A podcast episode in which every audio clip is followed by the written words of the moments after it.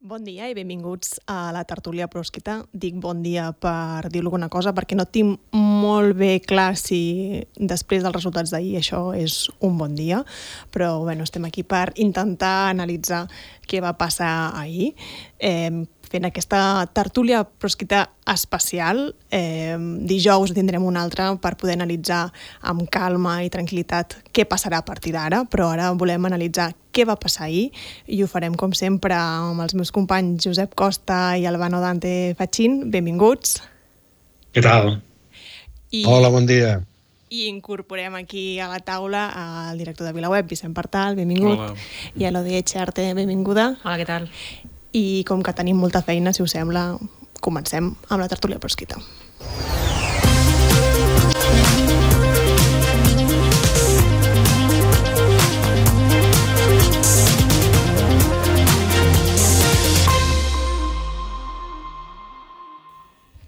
començava dient que creia que no era gaire un bon dia perquè ahir el PP va tornar a guanyar la majoria d'institucions del País Valencià i de les Illes uf, i uf, si governa, que tot fa preveure que sí que governarà perquè et sumen, ho farà amb Vox, és a dir, amb l'extrema dreta dins d'aquestes institucions. Al País al Principat l'independentisme ha rebut una bona patacada, un bon cop d'atenció i tot plegat eh, ho analitzarem a continuació si us sembla, em, per començar, podríem fer com un titular, és a dir, els, els que són periodistes estem potser més acostumats, no sé si l'Albano i el Costa també m'ho sabran fer, però un titular curt de què destacaríeu de la nit d'ahir. Vicent. Que la bombolla no era Twitter. Josep. Uh, que el mal ve del Mansa. Albano que al Principat sí que hi ha algunes coses molt importants que podem celebrar. Jo deia. Jo donaré una xifra, 350.000 vots que s'han esfumat, independentistes. Doncs tot això és el que volem analitzar, per tant comencem i comencem amb, amb aquesta idea de la bombolla no és Twitter, eh, els vots que s'han esfumat. Què ha passat amb l'independentisme? Eh, Albano, Josep, qui comença? Doncs eh, abans que contesti Josep, començo jo. I, i, i, i eh, abans he dit celebrar en el sentit profund. Evidentment, hi ha coses molt preocupants que estan passant també al Principat, però hi ha altres coses que jo crec que no podem perdre de vista en aquesta d'allò general. Primer, deixeu-me dir una cosa. Eh, soc el secretari general d'un partit que es diu Som Alternativa, que teníem un regidor, una regidora, Sant Esteve Sarrovires, i ahir eh, l'hem revalidat eh, i té més vots que abans. Per tant, aquest és el primer motiu de celebració. Perdoneu-me la qüestió, però si Rufián pot celebrar un regidor més a Santa Coloma, pues, eh, eh, som alternativa, també podem... És el, és el partit amb el que havíem fet el Front Republicà. Bé, dit això, la qüestió que una de les qüestions que crec que cal celebrar eh, té a veure amb aquesta tertúlia. En aquesta tertúlia portem mesos Eh, eh, dient una sèrie de coses, que és que pactar amb el PSOE condueix a la derrota, que abandonar la lluita i la confrontació condueix a la derrota, que intentar eh, imposar aquesta pacificació a Catalunya condueix a la derrota, doncs aquí la tenim, la derrota.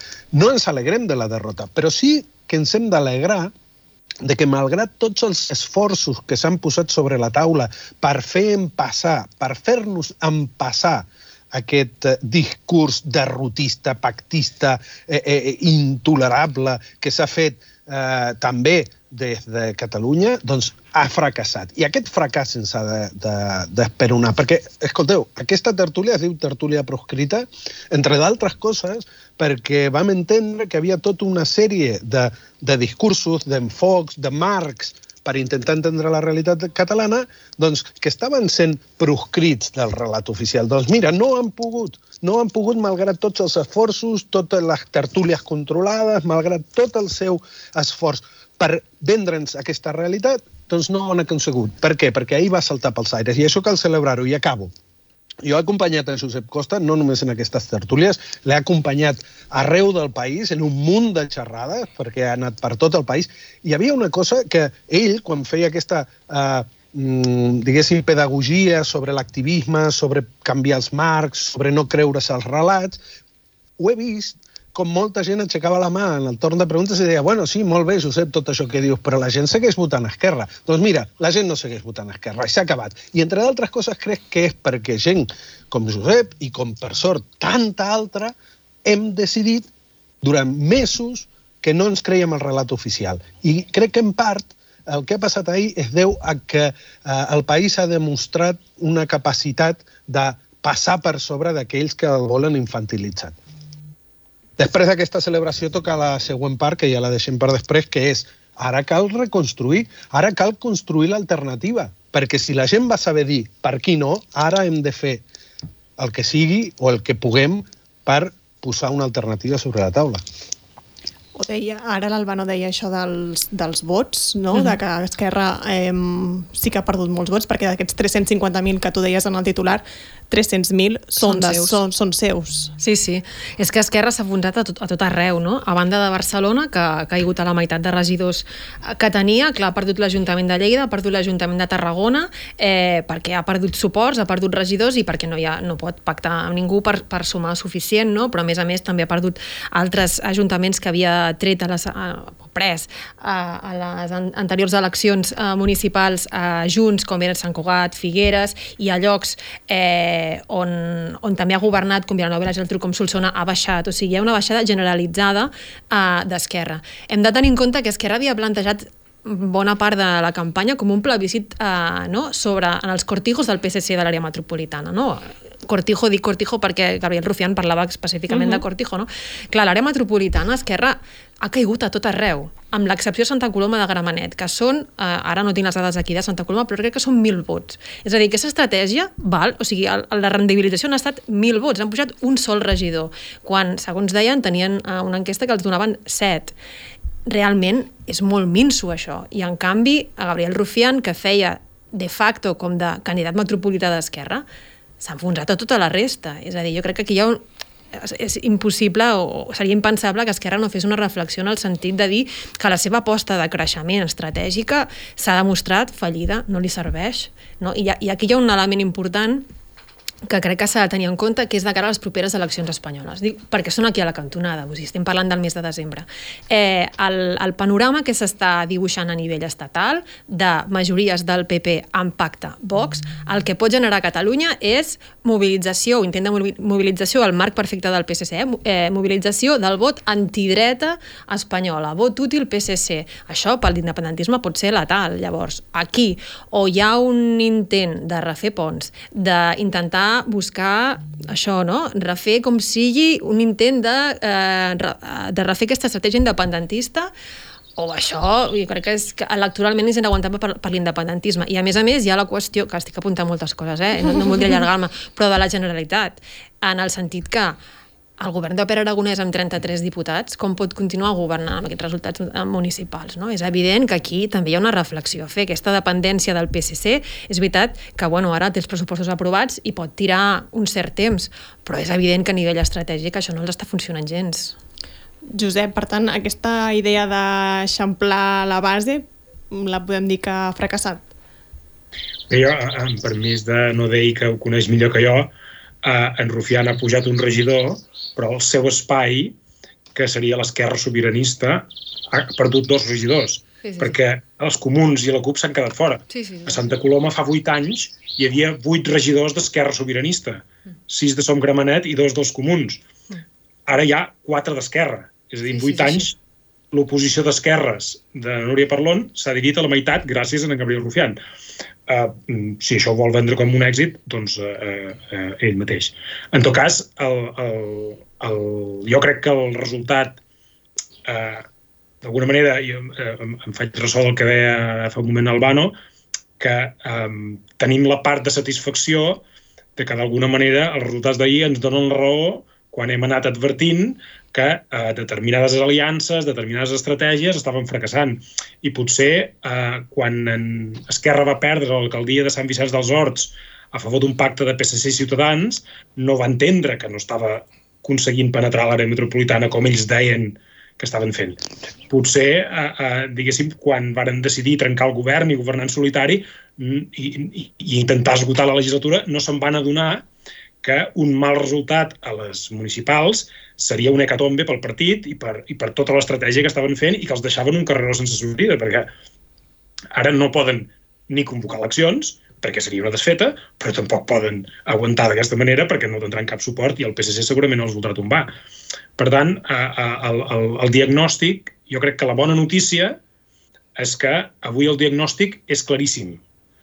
Um, L'estratègia espanyola ha anat cap on ha anat. Uh, els pactes amb el, amb el PSC i amb el PSOE han servit per uh, marcar una singularitat nacional Mm, diguéssim, que no és gaire bonica, diguéssim, no, no, però que és la realitat que tenim, que és que eh, els pactes eh, d'Esquerra amb el PSOE, i també amb Bildu, etc etc, el que fan és Espanya enfonsa en el PSOE i a Catalunya en l'aire en el PSC. Eh, que és exactament el que va passar el 2008, que eh, el PP va guanyar Espanya i el PSOE va salvar el govern arrasant a Catalunya. Eh, però clar, si et mires del país sencer, i et mires el País Valencià, les illes, el que ha passat, veus que la onada eh, de la dreta i l'extrema dreta a Espanya és molt gran. Jo crec que és eh, impossible d'aturar. Això, la reacció, quan abans del procés independentista, això sempre comportava una onada del PSC a Catalunya. I és el que ha passat ahir. Uh, uh, ara, um, també tenim les cartes damunt la taula. Ja en tot està clar, Eh, les fallides estratègiques són les que són, uh, que Esquerra hagi perdut 300.000 vots i Junts no n'hagi guanyat ni un, uh, també els hauria de fer pensar que la CUP no s'hagi beneficiat tampoc de la pèrdua de vots d'Esquerra, sinó que també hagin perdut vots i, i representació, també els ha de fer pensar. Per tant, diguéssim, tothom aquí el racó de pensar, d'alguna manera, uh, i jo crec que el que, el que hem de reivindicar d'alguna manera és que uh, ara tenim el mapa, tenim algunes eines que no teníem per analitzar cap on hem d'anar i, i sobretot eh, jo vull analitzar amb un tuit i crec que, que, que, que i, i crec que és un titular de VilaWeb de l'altre dia que és aquesta frase d'en Joan Granados que en múltiples varietats l'hem dit tots, no? de que no pots pretendre que no hi ha conflicte, no pots amagar el conflicte. No? Ell va dir, uh, uh, si estem en guerra no podem ficcionar la pau. Doncs això ens ha esclatat a la cara, i els hi ha esclatat sobretot en el, a un, a, a un governet autonòmic que tenim que és impotent i incompetent per governar el que ve, per governar una onada de, de dreta i extrema dreta a Espanya i nosaltres, en aquesta guerra que s'està ficcionant en pau, que ja hem vist que no hi ha pau, sinó que hi ha guerra, nosaltres no tenim govern ni tenim ningú eh, per liderar aquesta defensa del país. Per tant, una urgència, jo tenc sí, avui després d'ahir, diguéssim, analitzar totes les dades, avui tinc una sensació d'urgència de, de, de buscar solucions, de buscar sortides, de, de buscar una nova etapa eh, molt grans. Sí, jo crec que eh, un poc el que m'està comentant eh, entre tots jo ho resumiria eh, en, en que anem a una confrontació, no? El mateix fet que Pedro Sánchez hagi dissolt les Corts i convocat eleccions eh, és molt significatiu perquè ell mateix ja veu que no pot esperar mig any, un poc el que tu deies o d'ell, Esquerra pot esperar mig any si vol o un any, però l'únic que farà serà perdre bous i esquelles pel camí, no? Uh, I per a mi el resum de tot passa per aquest element de confrontació. És a dir, a mi em sembla que ha quedat molt clar que l'estratègia Oriol Junqueras és un fracàs total i absolut. A més, ha cremat completament a la seva gent. Ara aquestes eleccions que sembla que convocarà demà Pedro Sánchez, amb quina credibilitat acudirà Gabriel Rufián eh, després del que li ha passat en, en el seu poble, per exemple. Crec que eh, això està clar, que això no funciona. Crec que jo he quedat admirat, i he dit que em metreia el barret que no duc mai, davant la llibertat de la gent, i la gent no s'ha deixat continuar xantatxejant. Aquesta paraula me l'acaba d'inventar. No s'ha deixat continuar amb el xantatge dels partits polítics independentistes a la base social independentista. La base social independentista ha dit prou, que s'ha acabat, que no estaven disposats a seguir tragant amb aquest, amb aquest model de, de dominació del discurs, etc eh, etc. no? i de proposar-li a la gent una cosa que la gent no vol. La gent vol fer la independència, no vol uh, fer aquestes coses que, que li estan intentant fer. I, i finalment, clar, hi ha un panorama que ara ve que és molt calent, les eleccions espanyoles, però després n'hi han que, per cert, bé, no, no sé, perquè a lo millor el Pedro Sánchez té que deixar de ser president de torn de la Unió Europea només començar i mira que li feia il·lusió la cosa, no? Um, però després, clar, l'element aquest de que eh, la, mm, vindran les sentències eh, al mes de juliol que seran molt importants n'hi ha un 11 de setembre que ara ja seria molt important que la gent entengués que és més important que mai i que cal omplir els carrers de Barcelona.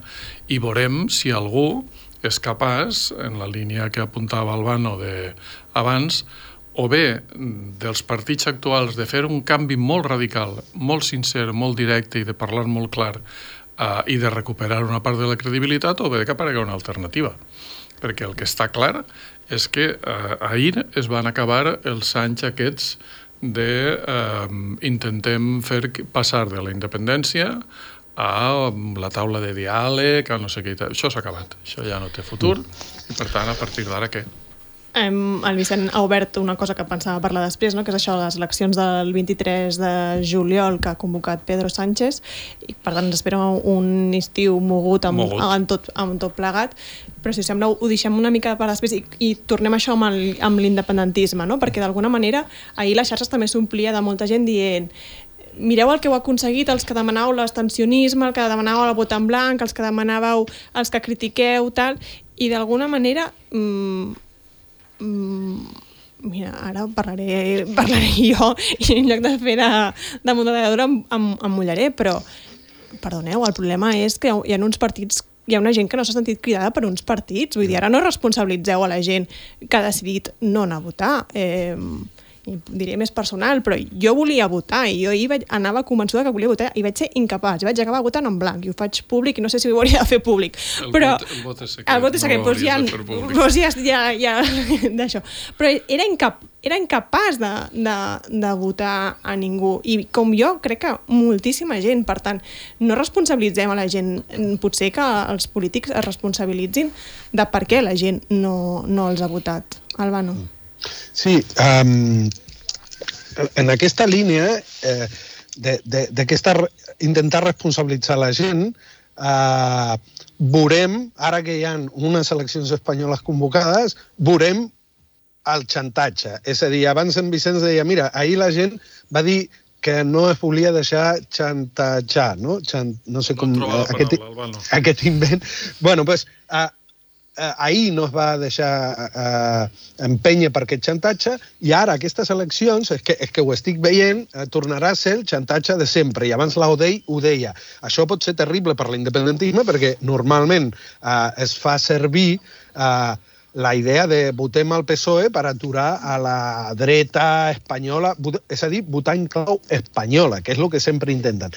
pues, eh, l'independentisme haurà de ser capaç de no caure en aquest xantatge, de fer una proposta que, que, que passi per sobre aquest xantatge. I jo abans, perdoneu-me, eh, però és que jo abans començava per, eh, recordant el Front Republicà, no? com, a, com a estructura que en les anteriors eleccions generals, les que es va presentar, va dir, va dir eh, prou de, de, de votar amb el marc espanyol, prou de caure en el xantatge, que per això, per això Pedro Sánchez està convocant les eleccions ara i sap que perfectament a Catalunya tin, eh, o, o aspira a tenir un bon resultat i l'independentisme hauria de ser capaç de dir prou del xantatge. Prou del xantatge de dir o, o, o votes al PSOE, votes renunciant a tot eh, el que penses i a tot el que suposa l'independentisme o t'hauràs d'aguantar a Vox. Prou de xantatge, prou de xantatge. Ara bé, si Rufián, com abans deien, o, o, o, o els partits independentistes insisteixen en, en, en, en, aquest, en aquesta rendició i en aquest, eh, en aquest acatar, doncs certament molta gent votarà en clau espanyola. Ara bé, tampoc val, i també m'ho estic veient a venir, que ara eh, en Rufián serà, bueno, eh, eh, mm, no, no, no vull dir, però vull dir que ens tornaran, també haurem d'anar en cura en què en vistes de la, dels resultats electorals es tornin a posar, perquè jo recordo que en les eleccions generals, bueno, eh, Esquerra Republicana eh, no li anava a deixar passar ni un al PSOE, i hem vist el que ha passat. Per tant, aquí també haurem d'anar amb cura torno a lo personal d'ahir, però jo hi vaig sortir de votar, diguéssim, i de cop em vaig trobar una enganxina que em va fer pensar, i era una estelada on hi posava i som. Per tant, aquest, aquesta baixada de vots per part de l'independentisme, qui la llegeixi com una derrota de l'independentisme, s'està equivocant, Josep? Jo crec que l'independentisme a nivell sociològic uh, uh, hi és, no? Uh, el que falta, i a més em consta que la gent que promou aquestes uh, campanyes uh, és la idea que hi ha de fons, aquest hi som uh, s'ha d'invertir i convertir-ho en un somi. Uh, uh -huh. I aquesta és el, la part que ens falta. Uh, l'hi som i uh, és cert, hi som. Uh, ahir molta gent uh, independentista ha fet un acte de, de, d'alguna manera de, de, de mantenir la posició i dir això és imputable i no hi ha cap uh, opció independentista que sigui votable, que sigui, uh, uh, que, que sigui algú que li puguem donar la nostra representació. Uh, per tant, uh, l'independentisme segueix sent fort. També és veritat que en aquestes eleccions s'ha trencat una dinàmica que teníem des del, des del, almenys des del 1 d'octubre, que és que a totes les eleccions el percentatge de vot independentista uh, anava creixent aquí ha, eh, ha disminuït per primera vegada per aquest efecte de l'abstenció. I això té una explicació, jo crec, que és que, eh, en, en, diguéssim, aprofundeix en aquesta eh, eh, monumental eh, errada de càlcul que ha fet Esquerra, que és que es pensaven que, eh, i a més, avui hi ha un article d'un senyor molt rellevant que sembla ser que és ideòleg d'aquesta estratègia, que ho reconeix. Ells es pensaven que aquí passaria com al País Basc, que per cal Pla i Barretxe pel PNB i deixar les armes per part de l'esquerra Versale els portarien a una, diguéssim, a una etapa d'esplendor electoral. No? És a dir, veure, el PNB eh, té uns grandíssims resultats i eh, l'esquerra Betzale té uns magnífics resultats, com ahir es va demostrar.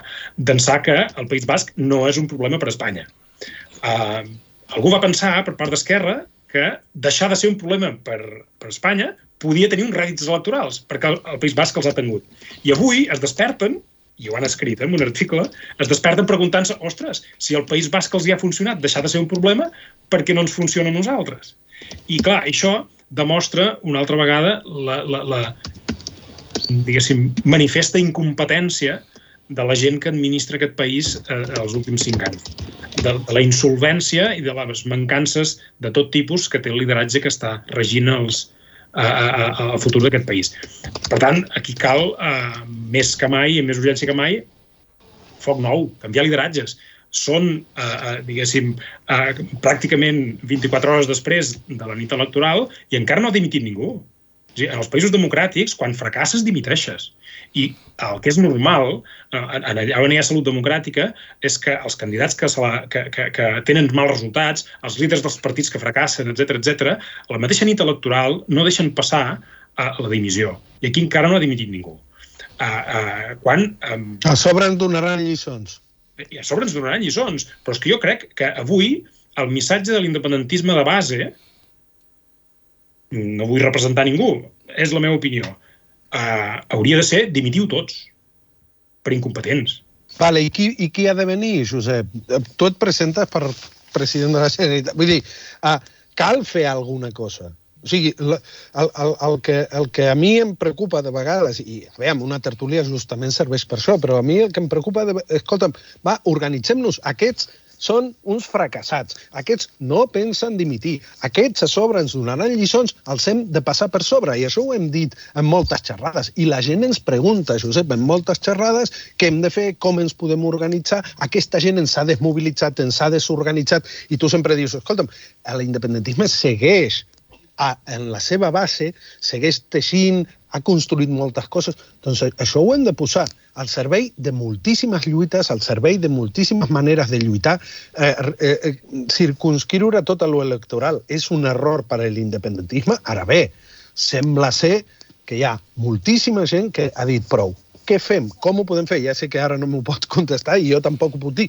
Ara no ens podem quedar de braços plegats veient, aviam si ara dimiteix en Rufián o no sé què. Seguiran fent el que han fet canviaran ara una mica el discurs de cara a unes eleccions? Segur, però aquesta gent no són de fiar. I la resta del moviment hem de trobar una manera i si sorgeixen aquestes cares noves, escolta'm, posem-nos al servei d'aquesta gent que vulgui tirar endavant alguna cosa. Jo, jo mm, m'encanta debatre, m'encanta queixar-me, m'encanta despotricar dels que hi ha, però jo, a mi el que realment m'agrada és dir anem, anem cap endavant, que al final era una mica el que vam sentir molts a l'octubre del 17, de dir ja està bé de queixar-se, ara ho farem nosaltres, doncs toca fer-ho, i no sé com, però, però, però crec que, és, eh, no sé, potser podem parlar dijous, com a, però, però alguna hem de fer. No sé si aquí la taula algú té la idea que no, s'ha de fer. Jo el que volia dir, bueno, que és, que és bastant obvi, però crec que s'ha de dir, que és que, clar, d'aquí al 23 de juliol, eh, aquest recanvi de lideratges de l'independentisme és molt difícil de fer per part dels partits, perquè no tenen pràcticament marge, marge temporal.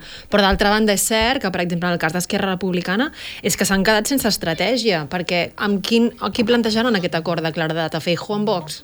Vull dir que el marc de les eleccions espanyoles és aquest. Llavors, eh, serà molt complicat sortir d'aquí, estic d'acord, que penso que Rufián com a candidat eh, està amortitzat absolutament, però quin recanvi tenen per aquest candidat, no? Què farà Junts? O sigui, tots sabem els rumors que hi ha no? respecte a possibles candidatures eh, de cara a les espanyoles, però de quin perfil estem parlant? Estem parlant de Jaume Giró, un perfil moderat? Estem parlant de Míriam Nogueres, que vagi a fer més, més d'oposició i marcar un perfil més independentista? Això són debats, diguéssim, i la, incloent la CUP també, eh? que aquests partits hauran de tenir molt ràpidament perquè és que pràcticament no hi ha, no hi ha marge i si s'articulés una altra candidatura doncs també tindria un temps com molt, molt curt. No? Llavors no sé si estem anant, em refereixo a això, eh, a unes eleccions espanyoles de tocar fons l'independentisme, perquè no sé si realment hi haurà marge temporal de, de que refacin una, propostes eh, en el curt termini, sobretot per això que dèiem, eh, perquè crec que el marc aquest de que ve la dreta i l'extrema dreta serà molt difícil de treure,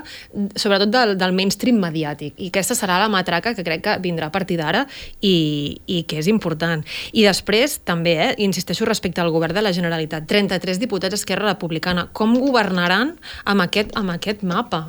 amb aquest mapa. I, i aquí qui, qui, qui es fa fort és el PSC. I això, malgrat que el PSC ha baixat de vots. El PSC en aquestes municipals ha perdut 55.000 vots. El vot de, de Ciutadans, el que quedava, per, exemple, per, per dir-ho d'aquesta manera, eh, se n'ha anat molt al PP, 85.000 vots més, i molt a, i molt a Vox, 114.000 vots han tret, en aquest cas. Vull dir que 114.000 vots més, em refereixo, eh? que en tenien 36.000 només en les eleccions de, de fa 4 anys. Vull dir que realment el PSC bàsicament el que ha fet ha estat aguantar bastant. De fet, a l'àrea metropolitana en alguns llocs ha baixat, ha perdut vots a l'Hospitalet, eh, ha perdut vots a Cornellà. Vull dir, a Santa Coloma ha mantingut la majoria absoluta amb 17 regidors, però Núria Parron ha, ha perdut 2.600 vots. Vull dir que en termes d'això, no, de disputar pel poder, està clar que aquí hi ha moviments també a la dreta que, que s'han d'analitzar i que, i que el PSC, en el marc aquest això, de, de que ve la dreta, té totes les de guanyar si l'independentisme no és capaç d'articular una alternativa amb, el, amb temps rècord, vaja. Uh, jo volia afegir alguna dada... Amb... Tots voleu parlar a la vegada, però digues, Perdó. Vicent, no digues. No, per exemple, eh, la de vots nuls, eh, en aquesta ocasió hi ha hagut 40, quasi 45.000 vots nuls, quan fa 4 anys n'hi havia 20.000 i vots en blanc 51.000 quan fa 4 anys n'hi havia 36.000 és a dir, ho dic per, hi ha hagut l'estratègia d'abstenir-se, la del vot nul la del vot en blanc i el que està claríssim és que n'hi ha hagut una opció conscient de molt bona part de la base independentista d'enviar un missatge radical de dir això uh, s'ha acabat així, no? I, i pot ser, és a dir, a les eleccions espanyoles potser ja no dona temps de res. Uh, jo crec que també que a Madrid Míriam Nogueras o Albert Botran no són Gabriel Rufián i ahir pot introduir-se un matís i efectivament, com dius tu, o, d'ell no és el mateix que mantinguen a Míriam Nogueras amb un plantejament de dir no a tot que no que me posen ara al Giró per exemple, que evidentment seria un desastre per a Junts no? Um, però dit això mm, una abstenció massiva a les eleccions espanyoles també envia un missatge molt contundent en clau nacional. És el vostre problema, ja us ho fareu, la nostra batalla és una altra, no és la de frenar a una extrema dreta o una dreta extrema, que al final l'heu criat vosaltres perquè tot això naix de no trencar amb el nacionalisme espanyol. És allò que sempre explique que passava a Sèrbia en el seu moment abans de la dissolució de Iugoslàvia. Si tu vols acabar amb el nacionalisme espanyol, el que has de fer és segar-li els peus a l'herba que té a sota. I l'herba que té a sota es diu espanyolisme. I, per tant, tu el que has de fer, espanyolisme d'extrema dreta, per tant, tu el que has de fer, si eres l'esquerra espanyola, és el que va fer l'esquerra sèrbia, que és donar suport als moviments d'independència a tot arreu perquè així li retalles el perímetre de lo que ells poden manipular i quan tu te quedes sol, aleshores li pots disputar a l'extrema dreta el, el seu xoc. Però que ara nosaltres tinguem que salvar-li el cul a l'esquerra espanyola que és l'esquerra que va fer el 155. Sense, sense l'esquerra, el 155 no s'hauria fet. Que és l'esquerra que ha mantingut els presos, que continua amb els exiliats, que té 4.000 persones encausades. Nosaltres ara li hem de salvar el cul a aquesta gent? Bueno, jo crec que n'hi ha, n'hi ha eh, sobre una gran oportunitat també de demostrar això que ahir em va impressionar a mi, la llibertat que té la gent en este país. En este país ha canviat moltes coses després del primer d'octubre i la fonamental és que la gent ha entès que el seu vot és poderós i que no té per què regalar-li a qui li diga TV3, a qui li diga el diari Ara o a qui li diga eh, qualsevol dels altres aparells d'especulació informativa i dominació ideològica que hem construït a base de posar diners de tots els ciutadans al servei d'una causa política. Hem, hem parlat molt d'Esquerra de, i, i en general dels vots independentistes, però perquè ens situem també, no? La CUP també, és a dir, han perdut tots en realitat. El Junts és qui n'ha perdut menys, que n'ha perdut 5.214 i la CUP, eh, ara no ho trobaré... Tinc aquí 43.000. 43 ah, això. I la CUP 43.000, per tant, eh, tots n'han perdut, però segurament Junts al perdre menys, que són 5.214, i guanyar a Barcelona potser el cop ha sigut és que salvat, menys. Trias ha salvat, ha salvat la cara de Junts, per dir-ho d'aquesta manera. No? El que passa és que això pot obrir un debat intern també dins de Junts. Primer, per com governa Trias, no? perquè està en minoria, amb 11 regidors no en té prou. Si forma govern de coalició, que no ho sé, amb qui el forma? Amb Collboni suma majoria absoluta, amb Ernest Maragall no en suma. Per tant, necessiten... Avui ja ha dit, no? ja, ja ha dit que parlaria amb, el, amb aquests dos, no? precisament. Clar, però imaginem-nos un pacte Trias-PSC a Barcelona, diguem, per l'independentisme tampoc és que seria gaire bona notícia, però també crec que és important que no s'ha de llegir crec, el vot a Trias, evidentment, en aquesta clau. Primer perquè ell és el primer que va dir que la independència quedava a part i que això formava part del pacte que havia fet amb Carles Puigdemont per presentar-se a aquestes eleccions. I crec que el vot de Barcelona té una clau molt diferent, que és bàsica i que explica aquests resultats, que no és un, tant un vot pro-Trias com un vot anticolau ha estat molt capaç de capitalitzar Xavier Trias al vot anticolau, fins i tot amb, el, amb un electorat segurament de dretes que potser va votar Barcelona, eh, la Barcelona pel Canvi amb, amb, amb Manuel Valls, eh, sectors que no són ben bé de Junts, l'electorat de Junts, però que els, els ha pogut aglutinar.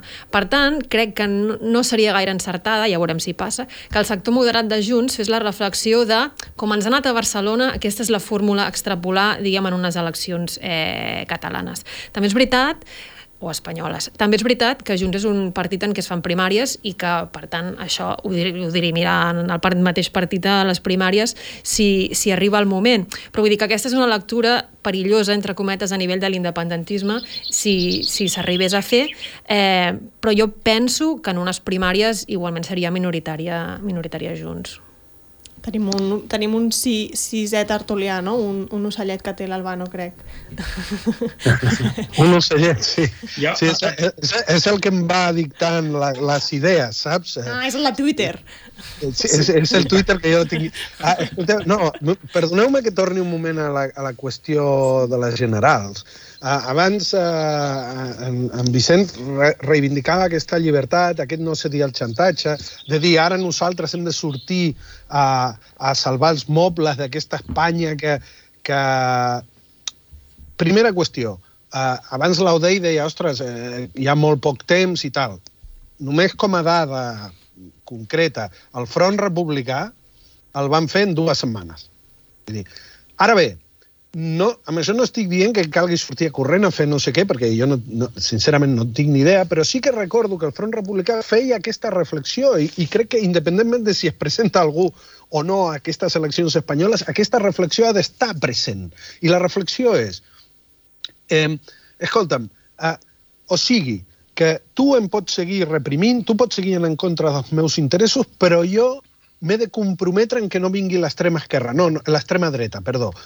No, no, és al revés. Si tu has triat matxacar-me a mi, tu has triat no tenir-me al costat per fer front al teu problema, que també és el meu. Bueno, però és que és el meu perquè tu. És, és a dir, el, el millor aliat de Vox és el Partit Socialista Obrero Espanyol. I escolta'm, i si la campanya ha de servir per explicar que el PSOE li està eh, aplanant el camí a, a Vox, pues, també s'haurà de fer, perquè, i ho deixo aquí, eh, la setmana passada eh, eh, veiem com a nivell europeu el PSOE està ajudant a tirar endavant una mesura eh, perillosíssima contra la llibertat d'expressió, com és desencriptar els missatges que ens enviem als ciutadans.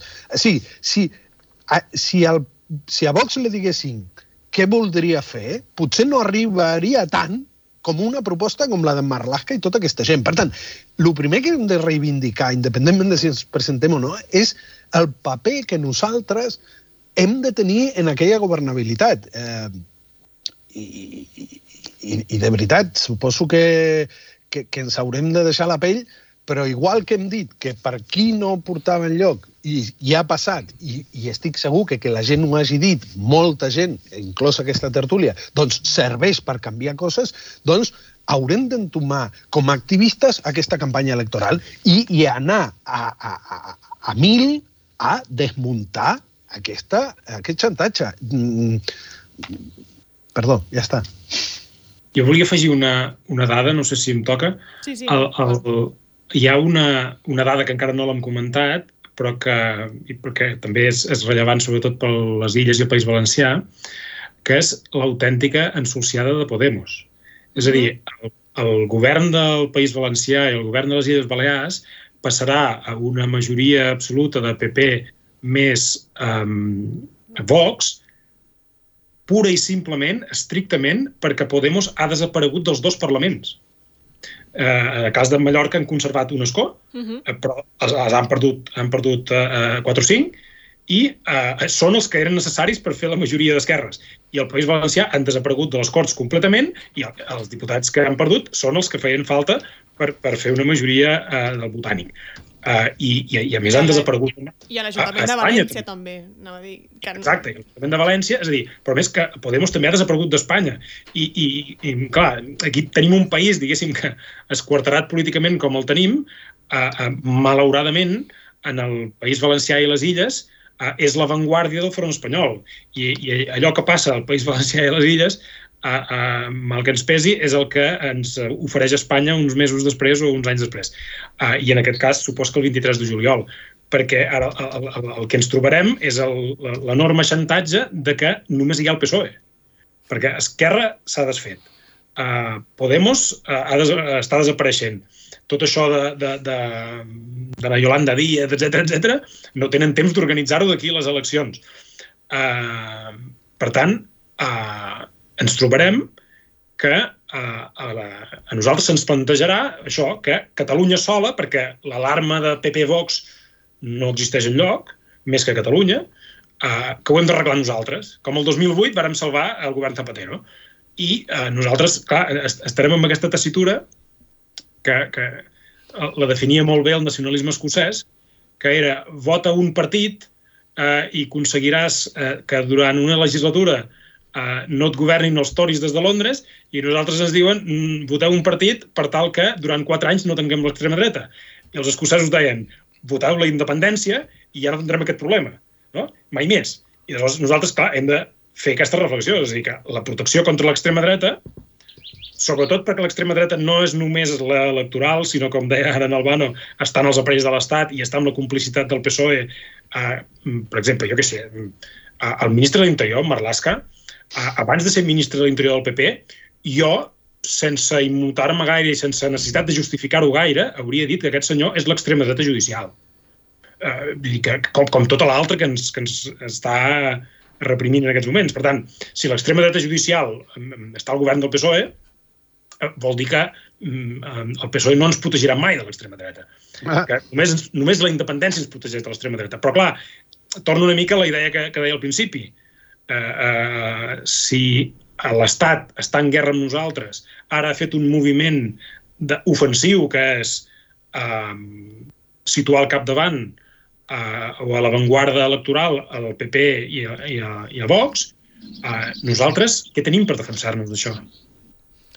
només tenim la independència, perquè el nostre vot, en el cas d'Espanya, de, no pinta res, som una extrema minoria. Per tant, només ens queda la independència per protegir-nos i ara mateix tenim un lideratge completament desmantellat. El d'Esquerra, que ja haurien d'haver dimitit tots i encara no han dimitit, i, i Junts, que, que ara ho deia no deia, mm, que això, el miratge de Tries a Barcelona maquilla un mal resultat electoral, perquè eh, Mm, en Tries a Barcelona ha guanyat, crec, més de 70.000 vots. Per tant, vol dir que a la resta del país n'ha perdut 75.000 junts. Uh, i, I ha perdut uh, una alcaldia important com és la de Girona, que en aquest cas no um, venia el mateix que en Tries. Allà sí que venia independentisme, sí que venia som el partit del president Puigdemont, etc etc. i allà han fracassat eh, i només s'ha salvat el que deia això de la independència no m'interessa. Per tant, ara, com, com, com ja s'ha dit, Junts és una absoluta incògnita.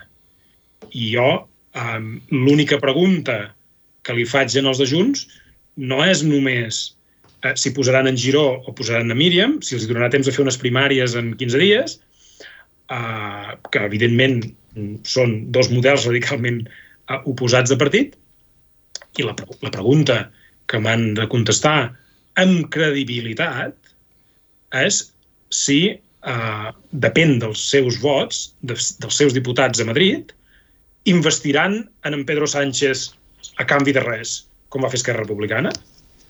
Tots els diputats que posin a les llistes, totes les persones que posin a les llistes votaran en contra d'una investidura d'en Pedro Sánchez a canvi de res? Um, clar, això ho dic. Per què? Perquè a les últimes eleccions van treure 8 diputats i al final 4, és a dir, el 50% dels diputats de Junts, van acabar donant suport a canvi de res al govern del PSOE. Um, això també és important. Per tant, no sabem quan votes Junts què estàs votant. Si estàs votant a Míriam Nogueres o a Ferran Pèl. Um, bé, totes aquestes incògnites uh, ara um, se'ns se se venen a sobre. Jo ahir la nit tenia aquesta satisfacció, de fet, vaig llegir l'editorial d'en Vicent, aquesta satisfacció de dir, ostres, hem fet un cop d'autoritat a, a, a nivell no, de, la, de la gent independentista, dels activistes i de la gent que no ens deixam a, a coaccionar la nostra llibertat de votar, però avui de matí m'he aixecat amb una sensació d'urgència i, de, i, de, de, de que tenim un problema per gestionar eh, colossal.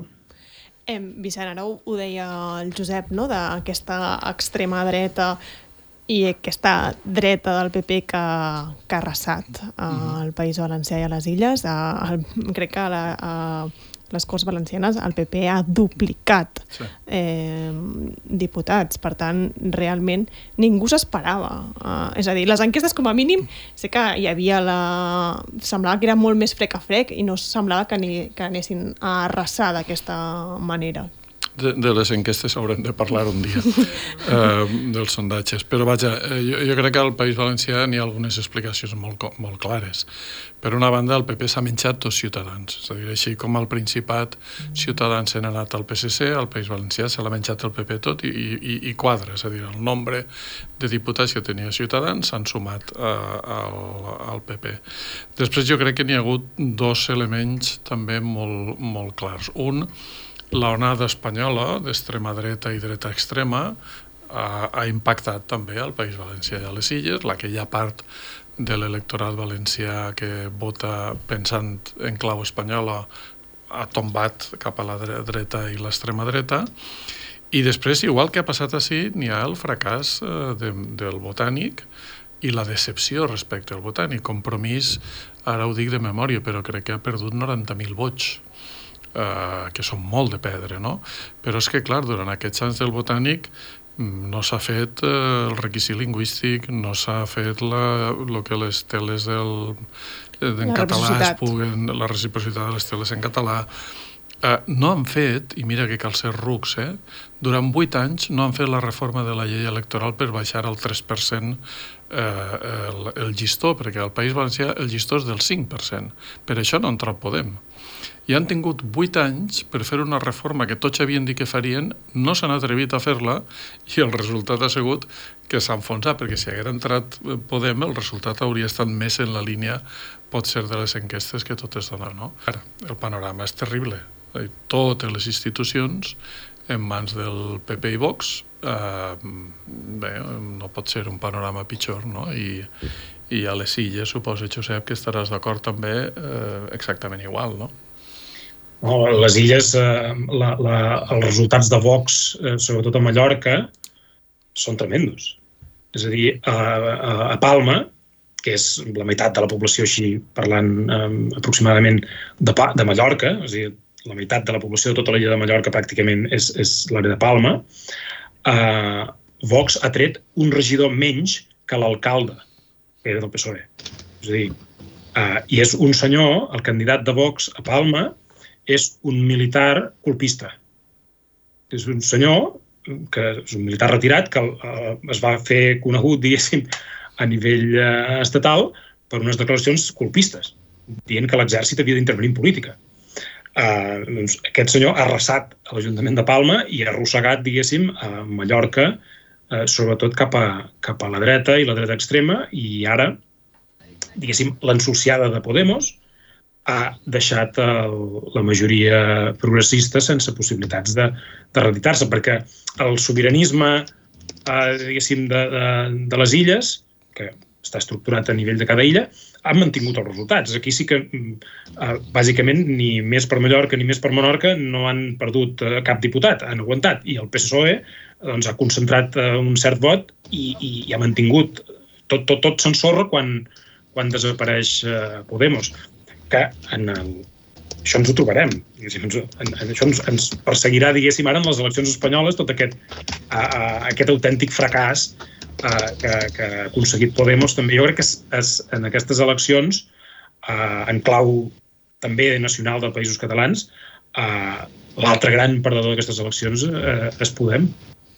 I l'altre gran perdedor d'ell seria Ciutadans, que ahir feies una anàlisi no? que bueno, manté alguns regidors, però en general desapareix. Poquíssims. Al Principat mantenen, em sembla que són 10 regidors, i de grans ciutats només mantenen dos a Santa Coloma de Gramenet, que jo crec que respon a més una, a una, una qüestió de lògica local, d'implantació no? de, del grup municipal, que són doncs, realment un grup que sí que tenia presència als barris no? i que s'ha sabut reivindicar. La resta és desolador. No? És que literalment als països catalans i a, i a tot l'estat espanyol Ciutadans desapareix del mapa. Sigui, és un partit que jo crec que està absolutament avançant cap a, cap a la mort, no? Jo volia afegir una cosa, perquè respecte al que, al que deia el Josep també de, de la qüestió de, de PP Vox, que, clar, el, el panorama que, que, que s'està pintant, diguem, a nivell de l'estat espanyol eh, és, a més a més, un PP depenent de Vox, que vol dir que el discurs, en, en teoria moderat de Feijó se'n va Norris, que aquí qui guanya és el discurs de l'ala dura, perquè on l'ala dura és forta, per dir-ho així, on Ayuso, per exemple, a Madrid, no? uh mhm. -huh. s'ha demostrat que té uns, uns bons resultats, per tant, la via moderada del, del PP ha fracassat. Quines condicions posarà Abascal per, per garantir la governabilitat de tots aquests territoris de l'Estat on Vox serà decisiva per governar? En quants governs entrarà? Quines condicions posarà? No? La llengua, per exemple, al País Valencià i a les Illes pot ser una de les clares damnificades a, a les Illes, no sé, em sembla que Vox demanava al Departament d'Educació, és a dir, estem davant d'un panorama eh, que realment és, és molt dur en aquest sentit. I respecte a Podemos, clar, jo crec que el PSOE s'ha equivocat eh, s'ha equivocat molt perquè crec que serà un vot que no aconseguirà, no aconseguirà rendibilitzar aquesta volguda estratègia o tàctica de carregar-se a Podemos donant cova a Yolanda Díaz. Crec que Podemos té un, tenia un vot sociològic important, la divisió de l'esquerra de, a l'esquerra del PSOE, per dir-ho així, eh, els ha penalitzat a, a tots, però és que Yolanda Díaz, allà on ha, on, ha, on ha anat a fer campanya, a Barcelona ha vingut tres vegades en aquesta campanya i ha de col·locar tercera, no? A València, a València. un vot de ribó. Exacte, és que clar, és, és, és, és nefast, no? O sigui, la divisió aquesta de, de l'esquerra ha estat fatal i crec que no només la culpa és de Podemos, que també que tenen molta culpa, eh? però tota aquesta desbandada que, mediàtica i de la pròpia Yolanda Díaz i del PSOE per carregar-se Podemos ha tingut també conseqüències, i és que al final el PSOE no pot pactar amb ningú. No, jo volia fer un comentari petit. Al País Valencià, qui ha destruït el sistema de línies que garantia que n'hi havia un nombre important de xiquets que estudiaven eh, pràcticament totalment en català ha estat Compromís. Qui ha posat el sistema que Ciutadans volia per Catalunya l'ha posat en pràctica al País Valencià ha estat Compromís. I aleshores, clar, n'hi ha un tipus de persones que segons que ja no es pot votar, no? I segona, jo crec que n'hi ha un element que això hauríem d'estudiar-ho, eh? però a mi em fa la sensació de que al País Valencià i a les Illes es vota més a Vox que a Espanya, i això té una explicació, que és que al País Valencià i a les Illes sí que n'hi ha un sobiranisme que planteja un envit als partits espanyols i aleshores el vot espanyolista es radicalitza. I aquest també és un element a tindre en compte per explicar per què Vox trau els resultats que trau. I eh, haurem d'anar acabant i dijous tornarem per analitzar més això, el futur, eh? el futur que, que ens ve, sobretot amb aquestes eleccions que ha convocat Pedro Sánchez. Però l'extrema dreta no només ha entrat eh, amb força al País Valencià i les Illes, també ha entrat amb força eh, al Principat, en, en molts ajuntaments. I no parlem només de Vox, és a dir, parlem de que el Viol treu, ha tret 18 regidors, eh, quan la resta de l'oposició només n'ha tret 9, és a dir, mm, aquí segurament l'oposició ha fet alguna cosa que no, no ha funcionat, o parlem que Aliança Catalana ha guanyat a Ripoll, o parlem que Anglada torna a tenir regidors a, a Vic. Per tant, eh, l'extrema dreta també ha guanyat força al Principat. Sí, sí, ha guanyat moltíssima, moltíssima força a nivell de vots, tenia les dades per aquí, són 114.000 vots més dels que tenia. Vull dir, és, és molt significatiu i d'una banda jo crec que es nodreix del, del discurs espanyolista, és evident, però també es nodreix del discurs xenòfob. El cas de Ripoll crec que és molt paradigmàtic, no?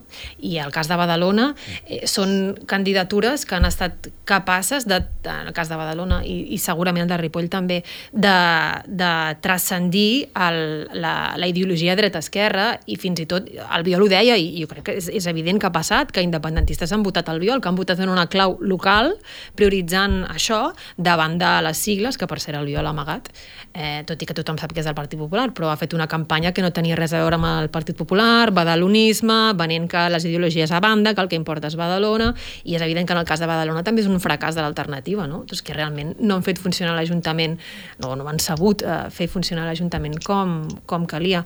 Però jo crec crec que el, el, la, la qüestió de l'ascens de l'extrema dreta pel que fa a l'amenaça a la convivència és, és molt perillós, perquè això, els ajuntaments són els que donen el padró, els empadronaments, que són la porta d'accés a tots els drets bàsics de la resta, no? de, de, o sigui, de, de les persones d'origen immigrant. I també crec que mereix una reflexió el fet que a Catalunya hi hagi un milió de persones que no poden votar perquè no tenen dret a vot. O sigui, què passaria si la població catalana eh, d'origen immigrant que viu a Catalunya i que són catalans molts des de fa molts anys tinguessin dret a vot. En BTV l'altre dia treia un gràfic no? que es veia molt claríssimament com Barcelona, eh, la, que, la gent que pot votar va baixant en picat eh, en cada, cada, cada elecció. No? Alba, no volies dir alguna cosa? Bueno, mira, eh, eh abans de dir el que volia dir, ara l'Audei deia això de de les persones amb dret a vot i les que no en tenen. Jo he viscut molts anys a Catalunya com a argentí sense tenir dret a vot eh, i per tant crec recordo la sensació de, de, de rebre el missatge de que la societat no comptava amb mi com a subjecte polític. No? I, òbviament, després, amb el temps, vaig adquirir aquest dret en, eh, reglamentació que existeix i tot, i vaig poder participar uh, políticament en el país que considero que és meu. No? I llavors aquí hi ha un debat molt important. Però uh, el que volia dir en principi és que aquesta entrada de la ultradreta uh, de la que tothom està fent titulars i tal, ens obliga també a fer una reflexió sobre, sobre és a dir, a definir, a definir bé què diem quan diem ultradreta? És veritat que hi ha coses que són innegociables i, i estan les qüestions de drets humans, la qüestió de respecte a la diferència, etc etc. això ho sabem. Però jo insisteixo, eh, veure només ultradreta a, a, a, l'espantall de Vox o, o, no? jo crec que és un error enorme. Primer, eh, insisteixo, eh, Marlaska i el que fa a, a, a, a, a, la, a Melilla, eh, això és ultradreta, el que fan de mesures en contra de les llibertats individuals que fa el PSOE és ultradreta, el PP ara no és ultradreta, és a dir, eh, crec que la societat catalana, un dels debats que té és veure com com enfoquem i com eh, eh, eh, perimetrem aquest fenomen per eh, donar-hi resposta democràtica i resposta eh, mm, d'inclusió, etc etc. Ara bé, aquest perímetre l'haurem de construir en un debat pròpiament català. El, el perímetre de l'esquerra espanyolista a Catalunya no serveix perquè que ara vingui el PSOE a donar lliçons d'antifeixisme, que és el que també veurem, perquè aquesta campanya a les generals anirà d'això, eh, nosaltres no ho hauríem de permetre. He de ser la societat catalana la que tingui aquest debat i no deixar-ho en mans de lo que ens vingui a dir Pablo Iglesias o Pedro Sánchez de lo que és eh, el feixisme o no. Mm, per tant, i anava a dir una altra cosa, però se m'ha oblidat i crec que aquesta és important. Doncs la, la recuperaràs dijous, aquesta cosa segur, vale? tindràs temps, perquè ara hem de deixar aquí la tertúlia per avui, aquesta tertúlia especial a eleccions, i dijous continuarem parlant de tot. Només recordar-vos que si voleu saber més a VilaWeb avui estarem informant tot el que vagi passant. Teniu tots els resultats, eh, podeu consultar municipi i municipi i si em permeteu, eh, per acabar, eh, volia aprofitar aquest altaveu per donar les gràcies a tota la gent que, de la redacció de VilaWeb que ahir van fer una feinada i per tant moltíssimes gràcies i ens tocarà continuar treballant. Jo tenia vacances i crec que ja el Jul, la setmana del juliol m'anava a Roma i crec que ja no me'n vaig a Roma, així que tenim feina per estona. Ens veiem dijous. Fins dijous. Gràcies.